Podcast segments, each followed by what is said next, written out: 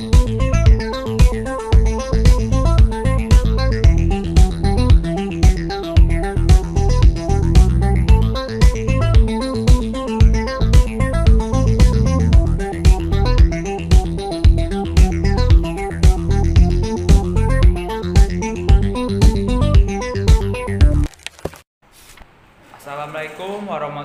Wabarakatuh. Selamat datang di Proteksi Suara Podcast. Salam kenal bersama saya Alvin. Dan hari ini saya ditemani oleh teman saya. Dan gue Andita. Nah, Andita apa kabar nih? Gue baik sih. Gue juga baik sih. Nah, podcast ini sebenarnya dibuat bukan hanya untuk iseng-iseng aja, tapi podcast ini dibuat sebagai wadah untuk menunjang proses magang kami. Nah, kami berdua adalah mahasiswa yang sedang magang di kantor Komisi Penyiaran Indonesia Daerah Sumatera Selatan. Sebenarnya kami itu bertujuh Cuma lima orang yang lain sedang di balik layar membantu dalam produksi konten kami Iya, betul. Nah, di episode 1 ini kita akan membahas cara masyarakat untuk memproteksi dirinya dan keluarganya terhadap isi siaran di era digital. Nah sebelum masuk ke topik pembahasan nih Kami bakal memberikan informasi mengenai latar belakang KPID Dimulai dari lokasi KPID yang terletak di Jalan Merdeka nomor 10A Kota Palembang Nah itu latar belakang KPD itu latar belakang tempat magang kami. Nah kalau dari Jalan Merdeka ini ke rumahnya Andita itu jauh nggak sih? Nah kebetulan kosan gua tuh ada di Jalan Rawajaya Asri belakang UIN Raden Fatah. Jadi gue kalau ke sini tuh naik transportasi online dan biayanya lumayan mahal. Mahal ya? Yes. Iya, gue juga dari rumah ke Jalan Merdeka ini nggak terlalu jauh sih. Gue juga naik transportasi online gitu kan. Iya. Nah balik lagi. Ka- jadi KPID itu adalah Komisi Penyiaran Indonesia Daerah yang merupakan lembaga negara independen yang dibentuk melalui Undang-Undang Nomor 32 Tahun 2002 tentang penyiaran dengan tujuan untuk mengatur segala hal mengenai penyiaran di Indonesia gitu. Nah dasar pembentukannya kan udah ada nih. Lalu apa sih pengaruhnya? Hmm, sejak disahkannya undang-undang itu terjadi perubahan fundamental sih menurut gua dalam pengelolaan sistem penyiaran di Indonesia. Contohnya nih, adanya pengelolaan penyiaran yang sebelumnya merupakan hak eksklusif pemerintah kini diberikan kepada sebuah lembaga negara independen yaitu KPID ini. Lalu bagaimana dengan peraturan dari gubernur yang mewadahi KPID dan seperti apa sih struktur organisasi lembaga KPID itu? Hmm, kalau keputusan gubernurnya sendiri ditetapkannya keputusan gubernur Sumatera Selatan nomor 868 garis miring KPTS garis miring KPID garis miring 2013 tentang keanggotaan Komisi Penyiaran Indonesia Daerah Sumatera Selatan tanggal 27 Desember 2013. Nah, selain itu ada struktur organisasinya mau dibacain ya kali sama Andita. Oke, gue bacain sedikit nih. Nah, di struktur organisasi KPID ini ada ketuanya yaitu ada Bapak Guntur Melian SH dan wakil ketuanya ada Bapak Hefriyadi MA. Nah, di KPID ini ada berbagai bidang, di antara lain koordinator bidang kelembagaan yang diketuai oleh Bapak Eki Syahrudin SH MH. Dan yang kedua ada koordinator administrasi bidang kelembagaan yang diketuai oleh Bapak Iskandar Esos. Nah, ada juga koordinator administrasi bidang pengawasan yang diketuai oleh Ibu Nuria Esos. Dan yang terakhir ada koordinator administrasi bidang perizinan yang diketuai oleh Bapak RM Ramadan Eskom. Nah, itu sedikit dari latar belakang tempat magang kami ya. Nah, sekarang kita masuk ke topik pembahasan. Jadi kalau ngomongin soal siaran itu tidak terlepas dari orang yang nonton siarannya, yaitu masyarakat.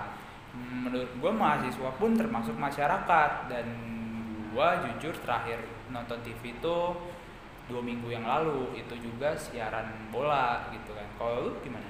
Dan gue itu terakhir nonton TV jujur setahun yang lalu pas gue balik karena corona.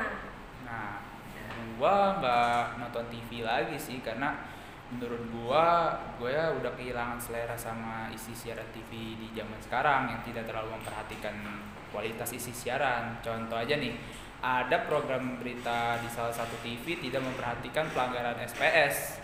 ya itu bahkan tayang pada pagi hari menurut gua ya sangat disayangkan aja gitu karena jauh dari etika penyiarannya nah balik lagi sama apa yang gua tonton tadi ya jujur gue suka nonton bola Liga Eropa. Tapi karena pertandingannya ditayangkan pada dini hari gue pun terpaksa untuk begadang kalau menonton ya hasil gue jadi kurang tidur dan kurang fokus dalam beraktivitas pada besoknya gitu.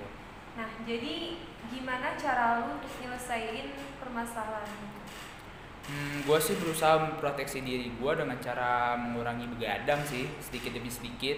Dan gue mengubah pola pikir gue gini ya ngapain rela-rela begadang kalau besoknya pertandingan ulangnya bisa gue akses di gadget gue nah itu sudah gue lakuin dan efektif sejauh ini menurut gue ini nggak valid rasanya kalau gue yang ngom- ngomong aja nih jadi gue mau ngajak ngobrol masyarakatnya langsung gitu Iya, gue juga penasaran. Makanya langsung aja deh kita tanya sama orangnya.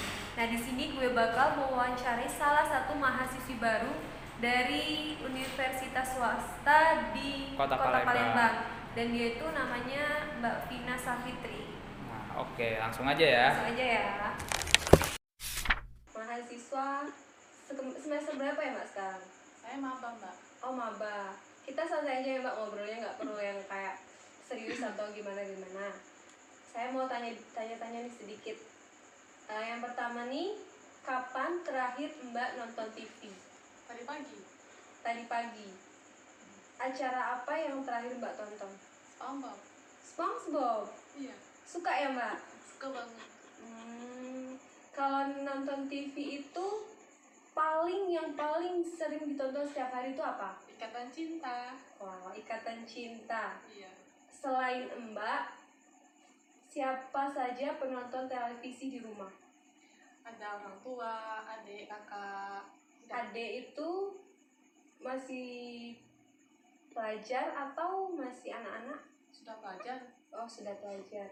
Kalau Mbak sering nonton TV, hal positif dan juga negatif apa yang didapat dari isi siaran tersebut? Kalau hal positif, mungkin bikin bikin happy, mungkin bisa ngebangkitin mood. Terus bisa kumpul-kumpul keluarga. Kalau hal negatifnya, mungkin dari sinetron mungkin ada yang ada yang terlalu vulgar buat anak-anak yang belum waktunya. Oh, kayak dia tuh batasan usianya gitu ya, Ya. Mbak ya, nggak terlalu. Hmm. Terus kalau nggak nonton TV, apa media yang sering Mbak tonton? Lalu apa hal positif dan negatif yang dari yang didapat dari media tersebut? TikTok, TikTok, selain TikTok kayak misalkan Instagram. Mbak suka ada nonton Netflix kayak misalkan eh, video aplikasi-aplikasi kayak itu? enggak sih? Oh enggak ya Mbak. Oke, gimana Mbak mempraktekkan hal positif yang didapat dari tontonan favorit Mbak di kehidupan sehari-hari? Kalau dari sinetron Ikatan Cinta mungkin kita lebih bersyukur, lebih menghargai seseorang, lebih percaya sama seseorang, dan terus tidak mengambil keputusan dalam keadaan marah. Oke, jika hal yang negatifnya itu lebih banyak, bagaimana caranya Mbak untuk memproteksi diri terhadap isi siaran tersebut? Itu sih mungkin tergantung tergantung diri sendiri ya, tergantung setiap orang kan berbeda. Mungkin kalau aku, kalau yang negatif mungkin nggak nggak apa nggak begitu dipeduliin. Kita ambil yang positif positif aja. Oh, kayak lebih ke mem- memilah ya Mbak, mana yang baik, mana yang enggak, terus yang kayak yang enggak baik di skip aja gitu ya Mbak? Oke. Apabila isi siarannya memberikan efek positif terhadap keluarga Mbak, bagaimana Mbak menanggapinya? ya bersyukur berarti kan ada lah setidaknya yang di TV tidak semuanya negatif berarti kan ada yang baik dan itu perlu ditonton dan diikuti Iya. Terus nih, yang terakhir ya Mbak, jika isi siarannya memberikan efek negatif ke keluarga Mbak seperti lalai dalam beribadah, telat masak, atau lupa mengajarkan anak, bagaimana caranya untuk memproteksi keluarga Mbak? membatasi mungkin membatasi waktu buat nonton TV-nya atau oh, bisa memanage waktunya. Itu juga mungkin dari orang tuanya sih yang harusnya memanage waktu itu jadi intinya tetap kembali ke diri sendiri terus kayak kita kan punya apa cara sendiri untuk memproteksi diri baik kita maupun keluarga gitu ya mbak. Eh, baik mbaknya baik sekali dan terima kasih banyak ya mbak atas waktunya. Semoga ini juga bermanfaat. Nah itu tadi wawancara Andita sama Mbak Vina ya. Tapi selain Mbak Vina, gue juga kemarin sempet ngewawancarain emak-emak nih. E, namanya Ibu Halimah. Nah Ibu Halimah ini seorang ibu rumah tangga berusia 32 tahun. Ibu Halimah ini punya seorang anak dan masih sekolah dasar gua rasa. Nah, menurut yang dia ceritakan ialah Ibu Halimah ini penonton aktif televisi, tapi dia meres- punya keresahan sama eh, talk show ag- kajian agama Islam pada pagi hari ya, karena dia suka sama program itu, tapi dia menyampaikan keresahannya kalau program itu terlalu pagi jam tayangnya, nggak sesuai. Nah, eh, sementara dia baru bangun, beres-beres. Sementara program kesukaan suka, dia, benar. iya ternyata eh, terlalu pagi banget dan dia juga ngekritik kalau program siarannya itu jam tayangnya itu terlalu sedikit. Jadi menurut dia bagusnya program siaran itu eh, jam 8 atau jam 9 ditaruhnya gitu. Nah, selain itu dia juga punya keresahan sama gimana caranya untuk memproteksi tontonan anaknya yang masih kecil. Yang masih di bawah umur Iya, ya karena dia juga kebingungan mau dikasih tontonan apa gitu kan. Nah, akhirnya dia mempunyai eh, jawaban atas keresahan dia sendiri yaitu kalau misalnya dia lagi nonton sinetron atau program-program yang gak cocok sama anaknya kayak yang kompetisi dangdut malam-malam Ya, gitu. malam kan. Nah, anaknya tuh nggak boleh nonton. Jadi anaknya itu boleh nonton pada siang hari, yaitu kartun gitu. Ya paling itu sih dia eh, keresahan yang dia sampaikan ke gua gitu. Nah, cara memproteksi anaknya selain pakai TV dia juga pakai eh, YouTube. Nah, nah YouTube-nya juga dia sangat memproteksi banget apa yang dia tonton di gadgetnya gitu. Ya walaupun menurut gua anak kecil juga belum cocok kalau misalnya dikasih gadget pada umur segitu gitu. Tapi dia sangat eh, memproteksi tontonan anaknya.